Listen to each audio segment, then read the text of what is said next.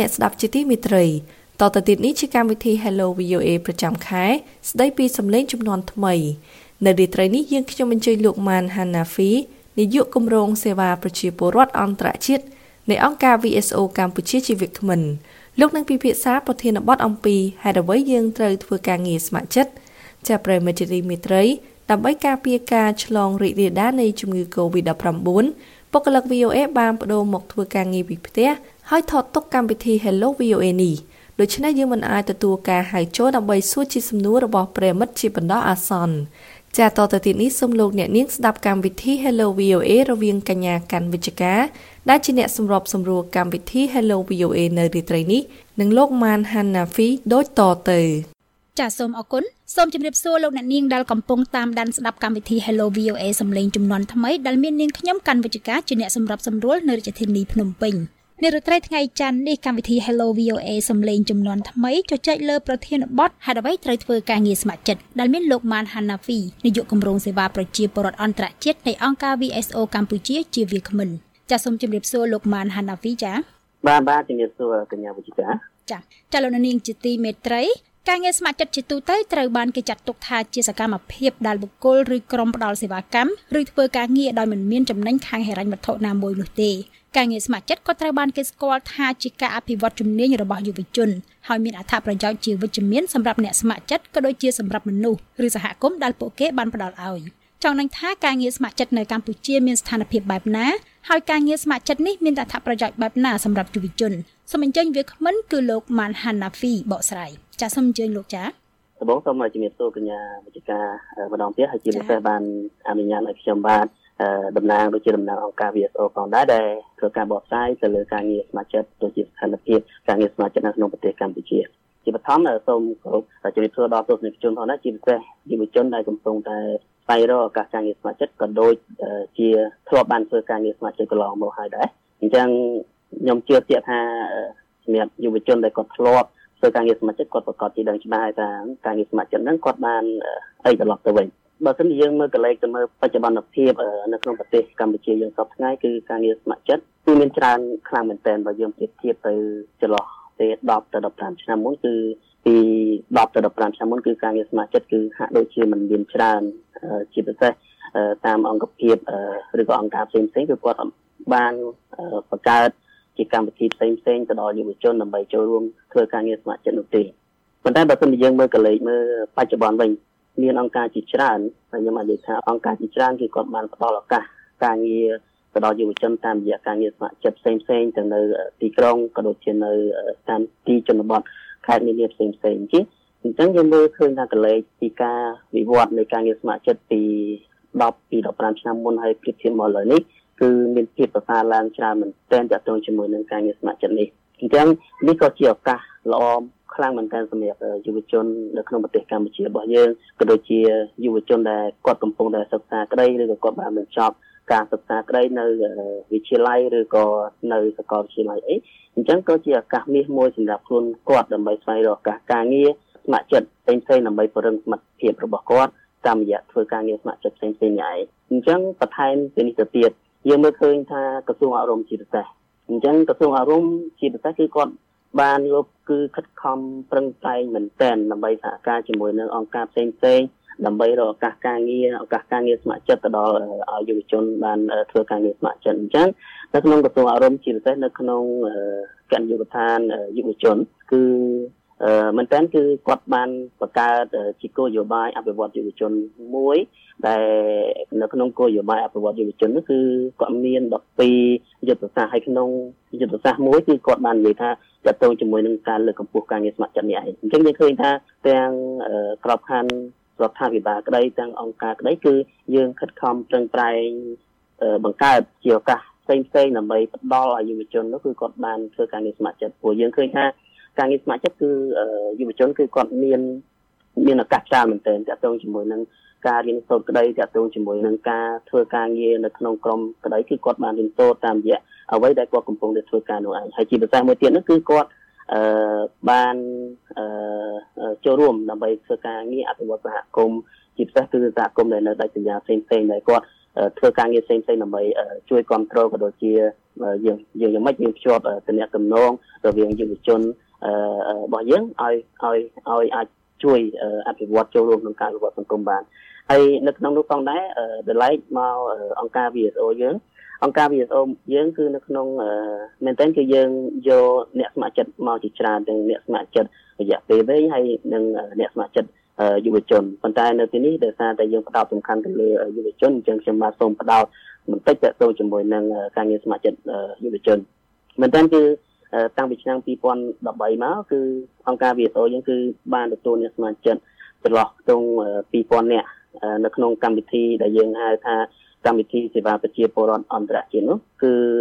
ហៅកាត់ថា ICS ដែលពាក្យពេញរបស់ ICS ហ្នឹងគឺមានន័យថា International Citizen Service ហើយកម្មវិធីនេះគឺយើងបានថាវិការគ្រប់គ្រងពីរដ្ឋាភិបាលអង់គ្លេស អញ្ចឹងចាប់តាំងពីឆ្នាំ2013មកគឺយើងបានទទួលយកអ្នកសមាជិកទាំងយុវជនដែលនៅក្នុងស្រុករបស់យើងហើយនិងយុវជនដែលមកពីចក្រភពអង់គ្លេសនោះមកធ្វើការងារស្ម័គ្រចិត្តឲ្យតាំងពីឆ្នាំ2013រហូតមកដល់ឥឡូវយើងប្រហែលជាមាន2000នាក់ដែលគាត់បានចូលរួមធ្វើការងារស្ម័គ្រចិត្តជាមួយនឹងកម្មវិធីរបស់យើង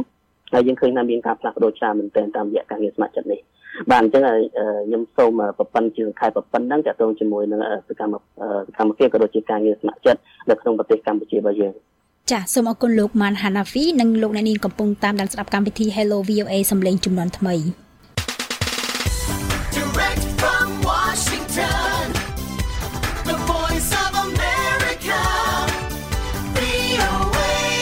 ចលនាជាទីមេត្រី Hello VOA សំឡេងចំនួនថ្មីនៅរាត្រីថ្ងៃច័ន្ទនេះពិភាក្សាពីប្រធានបទហេតុអ្វីត្រូវធ្វើការងារស្ម័គ្រចិត្តដែលមានលោកម៉ានហាណាហ្វីនាយកគម្រោងសេវាប្រជាពលរដ្ឋអន្តរជាតិនៃអង្គការ VSO កម្ពុជាជាវាគ្មិនចា៎នេះខ្ញុំសូមសួរទៅកាន់លោកម៉ានហាណាហ្វីបន្ថែមពាក់ព័ន្ធជាមួយនឹងប្រធានបទរបស់យើងថាតើនៅកម្ពុជាលោកមានបានជ្រាបទេថាមានអ្នកស្ម័គ្រចិត្តចំនួនប៉ុន្មានអ្នកដែរក្រៅតែពីគាត់ធ្វើការងារឬក៏ស្ម័គ្រចិត្តជាមួយនឹងអង្គការរបស់លោកហើយតើភាគច្រើននោះពួកគាត់មានចន្លោះអាយុប្រមាណដែរចា៎ បាទអរគុណកញ្ញាវិជ្ជការមែនតើសារនៅក្នុងប្រទេសកម្ពុជារបស់យើងចាប់តាំងពីមានការងារស្ម័គ្រចិត្តមករបស់យើងកលេចមើលដូចខ្ញុំលើកឡើងកណ្ដាលអញ្ចឹងគឺវាយូរយារណាស់ហើយអញ្ចឹងតាំងពី10ទៅ15ឆ្នាំមុនហ្នឹងគឺការងារស្ម័គ្រចិត្តរបស់យើងគឺយើងមានតិចតួចហើយមកដល់ឥឡូវនេះគឺយើងមានការងារស្ម័គ្រចិត្ត ច្រើនដែលយើងមិនតាមតាមអង្គភាពអង្គការនានាផ្សេងផ្សេងគឺគាត់បានផ្ដល់កន្លែងឱកាសការងារផ្សេងផ្សេងទៅដល់យុវជនដើម្បីចូលរួមធ្វើការងារស្ម័គ្រចិត្តប៉ុន្តែដល់ឡែកបើយើងមើលទៅលើទិន្នន័យជាក់ស្ដែងគឺយើងរាល់ថ្ងៃនេះគឺយើងមិនទាន់មានទិន្នន័យជាក់លាក់ណាមួយថាតើមានយុវជនក៏ដូចយុវនារីប្រមាណអ្នកដែលគាត់បានចូលរួមធ្វើការងារស្ម័គ្រចិត្តនោះទេព្រោះដោយសារអីគឺយើងអាចបានចងក្រងជាប្រព័ន្ធជារួមហើយបើតែយើងមានបណ្ដាញ អង្គការដែលធ្វើទៅលើការងារស្ម័គ្រចិត្តប៉ុន្តែយើងអាចបានចងក្រងទៅតើអង្គការឬក៏អង្គភាពមួយមួយនោះគឺគាត់បានទទួលអ្នកស្ម័គ្រចិត្តប្រមាណអ្នកនៅក្នុងមួយឆ្នាំហើយមានចន្លោះពីអាយុប្រមាណទៅអាយុប្រមាណគឺយើងអឺមិនមានទិន្នន័យច្បាស់លាស់ទេប៉ុន្តែយើងមានទិន្នន័យតែតាមអង្គភាពមួយមួយដែលនៅ VSO ឬក៏ដូចនៅអង្គការដទៃផ្សេងៗគឺគាត់មានជាទូទៅគាត់មានទិន្ន ន័យតខ្លួនរបស់គាត់អញ្ចឹងណាអញ្ចឹងដូចខ្ញុំជំរាបខាងដើមអញ្ចឹងដល់សម្រាប់ VSO វិញគឺយើងមានទិន្នន័យច្បាស់លាស់មួយថាយើងមានចន្លោះខ្ទង់2000នាក់ដែលបានចូលរួមការងារស្ម័គ្រចិត្តដែលជាយុវជននោះគឺតាំងពីចុងឆ្នាំ2013មកដល់ឥឡូវនេះហើយមែនតើគឺយើងទទួលអ្នកស្ម័គ្រចិត្តនោះគឺចន្លោះពីអាយុ18ដល់24ឆ្នាំប៉ុន្តែទោះជាយ៉ាងណាក៏ដោយយើងបើយើងមើល ទៅកាន់ក្រសួងអប់រំជាពិសេសនៅអគ្គនាយកដ្ឋានយុវជនតម្លៃខ្ញុំក៏បានចូលរួមសហការក៏ដូចជាចូលរួមច្រើនដងទាក់ទងជាមួយនឹងការរៀបចំឡើងវិញទៅលើប្រព័ន្ធការងារស្ម័គ្រចិត្តឬក៏ដូចជាការងារយុវជនហ្នឹងអញ្ចឹងនៅក្នុងចន្លោះឆ្នាំយើងថាចុងឆ្នាំ2019គឺក្រសួងអប់រំយុវជននិងកីឡាគឺគាត់បានអញ្ជើញរាល់អង្គការធ្វើការងារតាក់ទងជាមួយនឹងយុវជនផ្សេងៗគឺដើម្បី គាត់ចូលរួមចូលរួមទាំងអស់គ្នាថាតើអង្គការណាខ្លះដែលគាត់បានធ្វើការងារទៅលើវិស័យយុវជនទៅលើការគ្រប់គ្រងសមត្ថភាពយុវជនហើយអង្គការណាខ្លះគឺគាត់បានធ្វើការងារទៅលើការងារការងារស្ម័គ្រចិត្តរបស់យុវជនហ្នឹងគឺដើម្បីចងក្រងឡើងវិញពីទិន្នន័យអញ្ចឹងបើយើងកន្លែងទៅខាងរដ្ឋាភិបាលគឺលោកបានខិតខំប្រឹងប្រែងខ្លាំងមែនទែនដើម្បីគៀងគរទៅដល់ អង្គការក៏ដូចជាយើងចង់បានទិន្នន័យជាក់លាក់មួយដល់តើប្រទេសកម្ពុជាយើងយើងបានទទួលការងារអ្នកយុវជនស្ម័គ្រចិត្តហ្នឹងមានប្រមាណអ្នកគាត់មានអឺភេទអីខ្លះគាត់មានអាយុចន្លោះពីប៉ុណ្ណាអញ្ចឹងដោយឡែកឥឡូវនេះគឺខាងក្រសួងអប់រំគឺគាត់បានចេញជាពិសេសគឺនៅក្នុងអគ្គនាយកដ្ឋានយុវជនគឺគាត់មាន នៅលើបណ្ដាញសង្គម Facebook គឺគាត់មាន page មួយដែលមានឈ្មោះថាស្ម័គ្រស្ម័គ្រចិត្តដើម្បីសហគមន៍របស់ខ្ញុំហើយនៅលើ website របស់គាត់ហ្នឹងអញ្ចឹងនៅលើ website របស់គាត់គាត់បានចងក្រងរាល់អង្គការ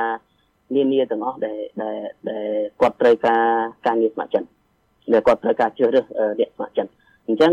នេះឯងគឺជាចំណុចល្អដែលយើងមើលឃើញថាការខិតខំប្រឹងប្រែងរបស់លោកក៏ដូចជាការចូលរួមពីអង្គការផ្សេងៗជាពិសេសគឺអង្គការវិសោគឺយើងបានជួយអឺសក្តិសហជើងគ្នាទាំងអស់គ្នាដើម្បីយើងបានទិន្នន័យជាក់ស្ដែងហើយក៏ដូចជាថ្ងៃទៅមុខយើងផ្ដល់នៅលើ website របស់ក្រសួងហ្នឹងគឺអាចខ្លាយទៅជាកន្លែងស្វែងរកឱកាសការងារមួយសម្រាប់យុវជនអញ្ចឹងមានន័យថារាល់យុវជនទាំងឡាយណាដែលគាត់ចង់ស្វែងរកឱកាសការងារស្ម័គ្រចិត្តហ្នឹងគឺគាត់អាច ចូលទៅតាមរយៈបណ្ដាញសង្គម Facebook របស់ក្រសួងឬក៏របស់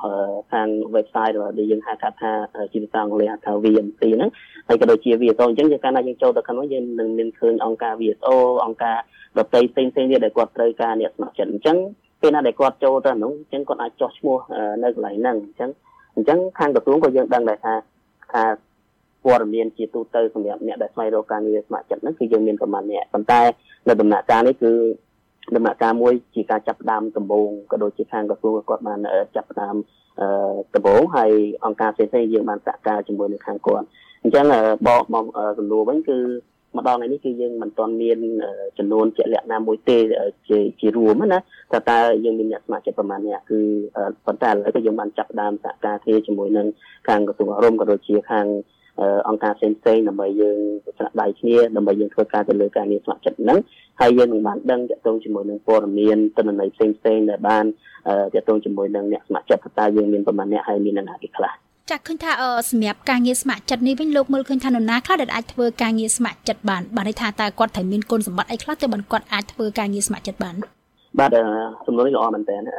យាយមែនតើគឺបើទៅយើងនិយាយថាការងារស្ម័គ្រចិត្ត គឺគ្រប់ការងារទាំងអស់ដែលយើងស្ម័គ្រចិត្តចេញពីខ្លួនយើងថាយើងចង់ធ្វើវាយើងចង់យើងចង់ជួយសហគមន៍របស់យើងយើងចង់ជួយចែករំលែកចំណេះដឹងរបស់យើងទៅកាន់សហគមន៍ឬក៏យើងអាចធ្វើការងារហើយយើងអាចរៀនសូត្រតាមរយៈការងារស្ម័គ្រចិត្តអញ្ចឹងអញ្ចឹងការងារស្ម័គ្រចិត្តគឺយើងមានច្រើនបទសន្តានណាស់ទៅតាមកន្លែងទៅតាមស្ថាប័នក៏ដូចជាតាមរយៈបុគ្គលខ្លួនឯងក៏ ក៏យើងអាចធ្វើការងារស្ម័គ្រចិត្តបានផងដែរអញ្ចឹងការងារស្ម័គ្រចិត្តយើងមិនប្រកាន់តាមអ្នកណាទេអញ្ចឹងគាត់មកពីណាទេអញ្ចឹងឲ្យតែគាត់ចង់ធ្វើការងារស្ម័គ្រចិត្តគាត់ចង់ចែករំលែកពីចំណេះដឹងគាត់ចង់រៀនសូត្រពីការងារហ្នឹងគឺគាត់អាចធ្វើការងារស្ម័គ្រចិត្តបានអញ្ចឹងមកឧទាហរណ៍ថាឥឡូវយើងមើលកលិចមើលយុវជនយើងវិញមកដល់ថ្ងៃនេះនៅក្នុងប្រទេសកម្ពុជារបស់យើងវិញអញ្ចឹងនៅក្នុងប្រទេសកម្ពុជាយើងមើលឃើញថាយុវជនគាត់បានចងក្រងជាក្រុមខ្លួនគាត់ដោយសារ ដោយសារគាត់ឃើញហ្នឹងគាត់អាចធ្វើការងារស្ម័គ្រចិត្តហ្នឹងគាត់អាចជួយសង្គមគាត់បានអញ្ចឹងគាត់ចងក្រងជាក្រុមរបស់គាត់ជាក្រុមតូចក្តីជាក្រុមធំក្តីអញ្ចឹងគាត់បានឧទាហរណ៍ថាគាត់ទៅរើសសម្រាមគាត់ដាំដាំឈើគាត់ទៅធ្វើការងារអីផ្សេងផ្សេងដែលក្រៅពីម៉ោងសិក្សារបស់គាត់ក៏ដូចជាពេលទំនេររបស់គាត់ហ្នឹងគឺគាត់ចូលរួមដើម្បីចូលរួមចូលរួមជួយសង្គមអញ្ចឹងយើងឃើញថានេះគឺជាផ្នែកមួយនៃការងារស្ម័គ្រចិត្តផងដែរប៉ុន្តែតម្លៃយើងមានការងារស្ម័គ្រចិត្ត មួយបែបផែននេះគឺយើងមានការងារស្ម័គ្រចិត្តទៅតាមគេហៅថាមានជាការងារស្ម័គ្រចិត្តពេញម៉ោងដែលដែលយើងតម្រូវតែទៅធ្វើការងារស្ម័គ្រចិត្តឲ្យអង្គភាពនោះហើយអង្គភាពនោះគឺគាត់បានបង្កើតកន្លែងការងារស្ម័គ្រចិត្តអញ្ចឹងយើងត្រូវតែបំពេញទៅតាមគ្រប់លក្ខខណ្ឌទាំងអស់ដើម្បីបញ្ចប់ ដើម្បីបញ្ចប់ការងាររបស់គាត់ហ្នឹងអញ្ចឹងគាត់បានបញ្ចប់ការងារស្ម័គ្រចិត្តគាត់បានជោគជ័យអញ្ចឹងគាត់អាចមាន certificate គាត់មានលិខិតបញ្ជាក់អីហោះហើយអញ្ចឹងទៅអញ្ចឹងយើងមើលអានេះខ្ញុំលើកឧទាហរណ៍ទៅក្នុង VSO យើងវិញអញ្ចឹងសម្រាប់យុវជនគឺយើងមានការងារស្ម័គ្រចិត្តដែលតម្រូវឲ្យយុវជនទៅធ្វើការនៅក្នុងសហគមន៍រយៈពេល3ខែអញ្ចឹងនេះគឺជាតម្រូវការរបស់យើងដែលយើងតម្រូវឲ្យយុវជនហ្នឹងគឺគាត់ ត្រូវចាក់ចេញពីកន្លែងដែលគាត់រស់នៅហ្នឹងគឺគាត់ត្រូវរស់នៅក្នុងសហគមន៍ដែលជាតំបន់គោលដៅអនុវត្តកម្មវិធីរបស់យើងនៅក្នុងសហគមន៍នោះគឺតម្រូវគាត់ទៅនៅ3ខែនៅនឹងធ្វើការពេញ12សប្តាហ៍អញ្ចឹងអញ្ចឹងក្រោយពីចប់12សប្តាហ៍អញ្ចឹងគាត់អាចបញ្ចប់ការងារស្ម័គ្រចិត្តហ្នឹងដល់ជោគជ័យអញ្ចឹងយើងមានតម្រូវលក្ខខណ្ឌអញ្ចឹងចុះទោះថាតើយើងគួរតែមានអីខ្លះដើម្បីដើម្បី ធ្វើការងារស្ម័គ្រចិត្តនឹងបានមែនតើគឺការងារស្ម័គ្រចិត្តយើងអត់បានតម្រូវឲ្យមានលក្ខខណ្ឌអីទេសំខាន់តែយើងពិតជាមានការតាំងចិត្តខ្ពស់ដើម្បីចង់ធ្វើការងារស្ម័គ្រចិត្តដើម្បីចង់រៀនសូត្រនឹងអត់អញ្ចឹងដែលឡែកនៅក្នុង VSO របស់យើងយើងទទួលអ្នកស្ម័គ្រចិត្តទាំងអស់ឲ្យតែគាត់ទាំងយុវជនដែលគាត់នៅក្នុងសហគមន៍ទាំងយុវជនដែលគាត់រៀនចប់វិទ្យាល័យទាំងយុវជនដែលគាត់រៀនចប់សាកលវិទ្យាល័យហើយគាត់កំពុងតែស្វែងរក ឱកាសការងារស្ម័គ្រចិត្តនោះគឺយើងទទួលគាត់ជាពិសេសគឺយុវជនដែលមានវិការភាពនឹងឯងអញ្ចឹងតម្លៃការងារស្ម័គ្រចិត្តគឺបើយើងនិយាយមែនតើថាយើងបង្កើតការងារស្ម័គ្រចិត្តគឺដើម្បីឲ្យយុវជនមករៀនសូត្រអញ្ចឹងក្នុង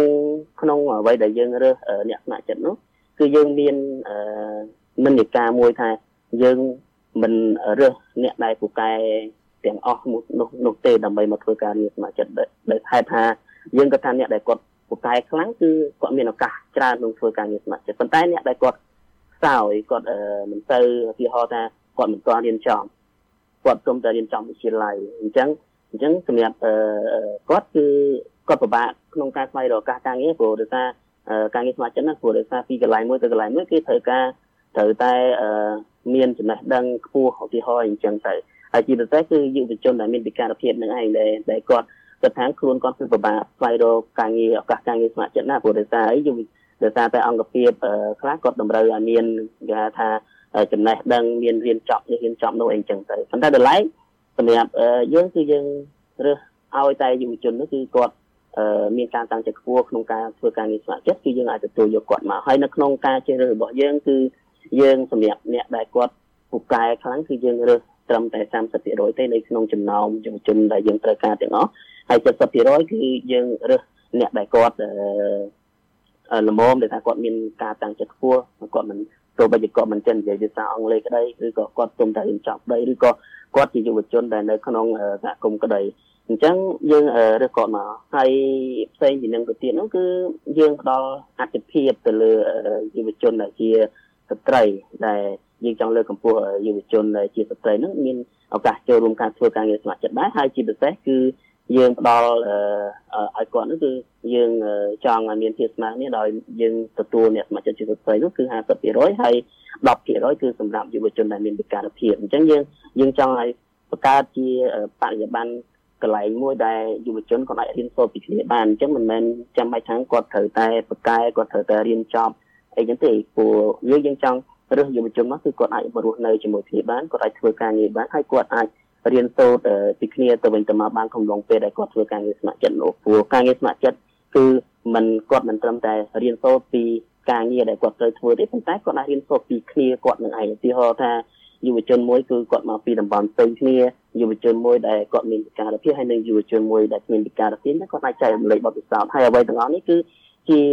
បទពិសោធន៍ជីវិតមួយដែលដែលគ្មានកន្លែងណាតឲ្យគាត់អញ្ចឹងយើងចង់បង្កើតឲ្យមានរូបភាពទាំងអស់ហ្នឹងនៅក្នុងការងារស្ម័គ្រចិត្តរបស់យើងអញ្ចឹងមកមកវិញគឺគ្រប់យុវជនទាំងអស់អឺអឺអ្នកណាក៏ដោយការងារអីក៏ដោយឲ្យតែគាត់មានការតាំងចិត្តហើយគាត់ចង់ចែករំលែកចង់ជួយសហគមន៍របស់គាត់នោះគឺយើងមិនប្រកាន់បាទគឺការងារស្ម័គ្រចិត្តគឺយើងនឹងទទួលយកហើយនេះគឺមិនមែនតែនៅអង្គការវិអង្គការផ្សេងក៏គាត់គិតដូចយើងអញ្ចឹងដែរគឺគាត់ផ្ដល់ឱកាសទៅដល់យុវជនគ្រប់ យុវជនដែលគាត់មានចំណាប់អារម្មណ៍ចង់ធ្វើការងារស្ម័គ្រចិត្តនឹងឯងចាលោកនាងកំពុងតាមដានស្ដាប់កម្មវិធី Hello VOA សំឡេងចំនួនថ្មី Direct from Washington The Voice of America VOA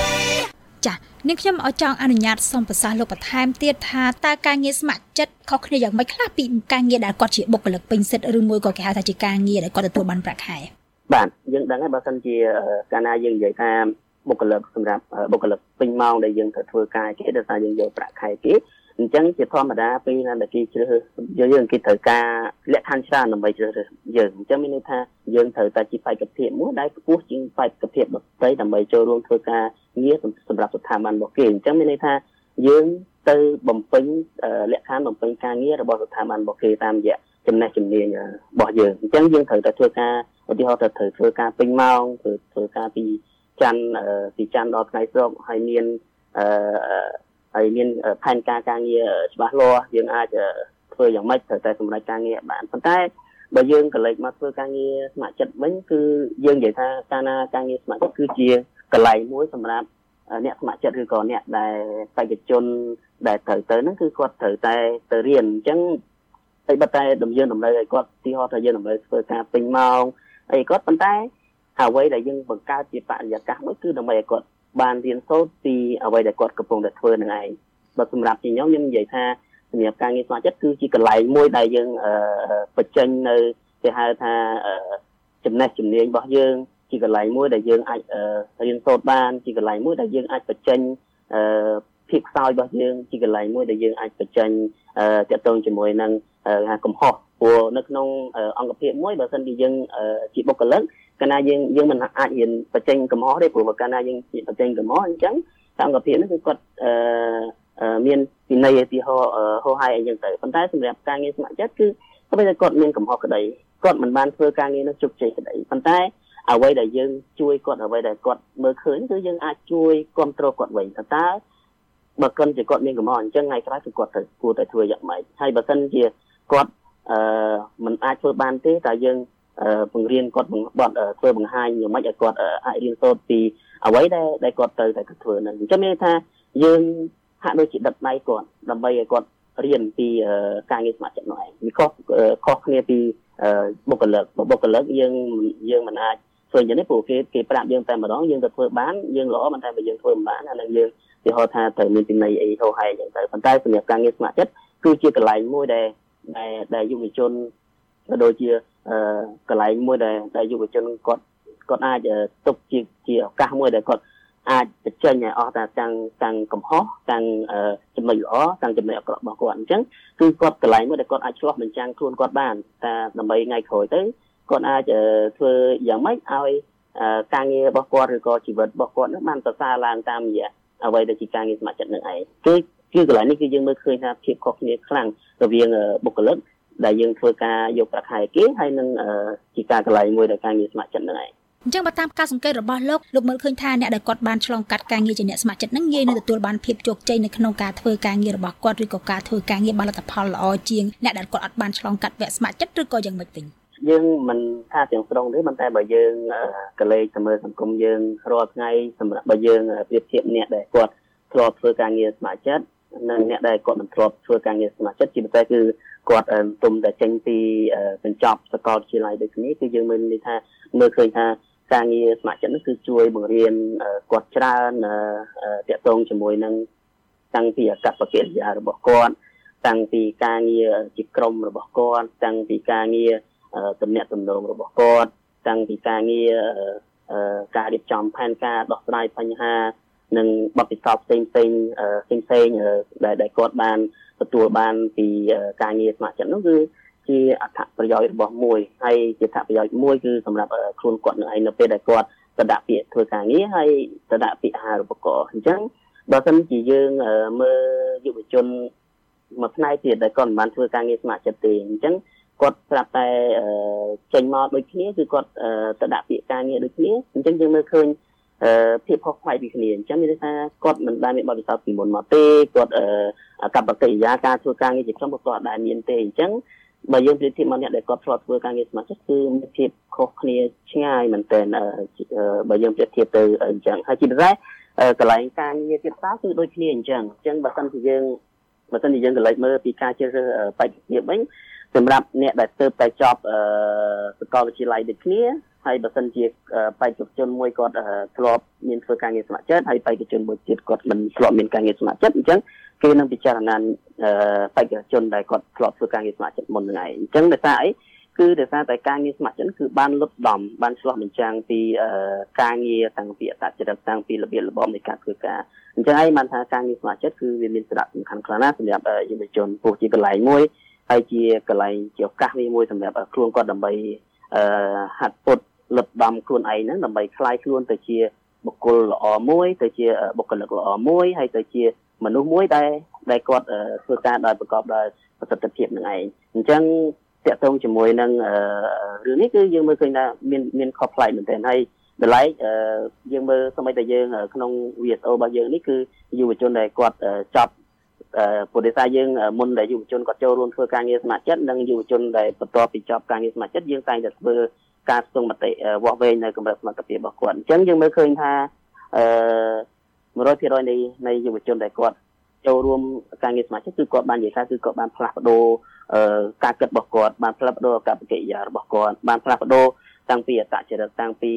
ការងារជាក្រុមរបស់គាត់តាំងពីពីមុនមកគាត់ចេះតំណែងតំណងតែក្រោយពីចូលរួមធ្វើការងារស្ម័គ្រចិត្តមកគឺគាត់បានផ្លាស់ប្ដូរការប្រែជីវិតរបស់គាត់ហើយទាំងអស់នេះគឺជា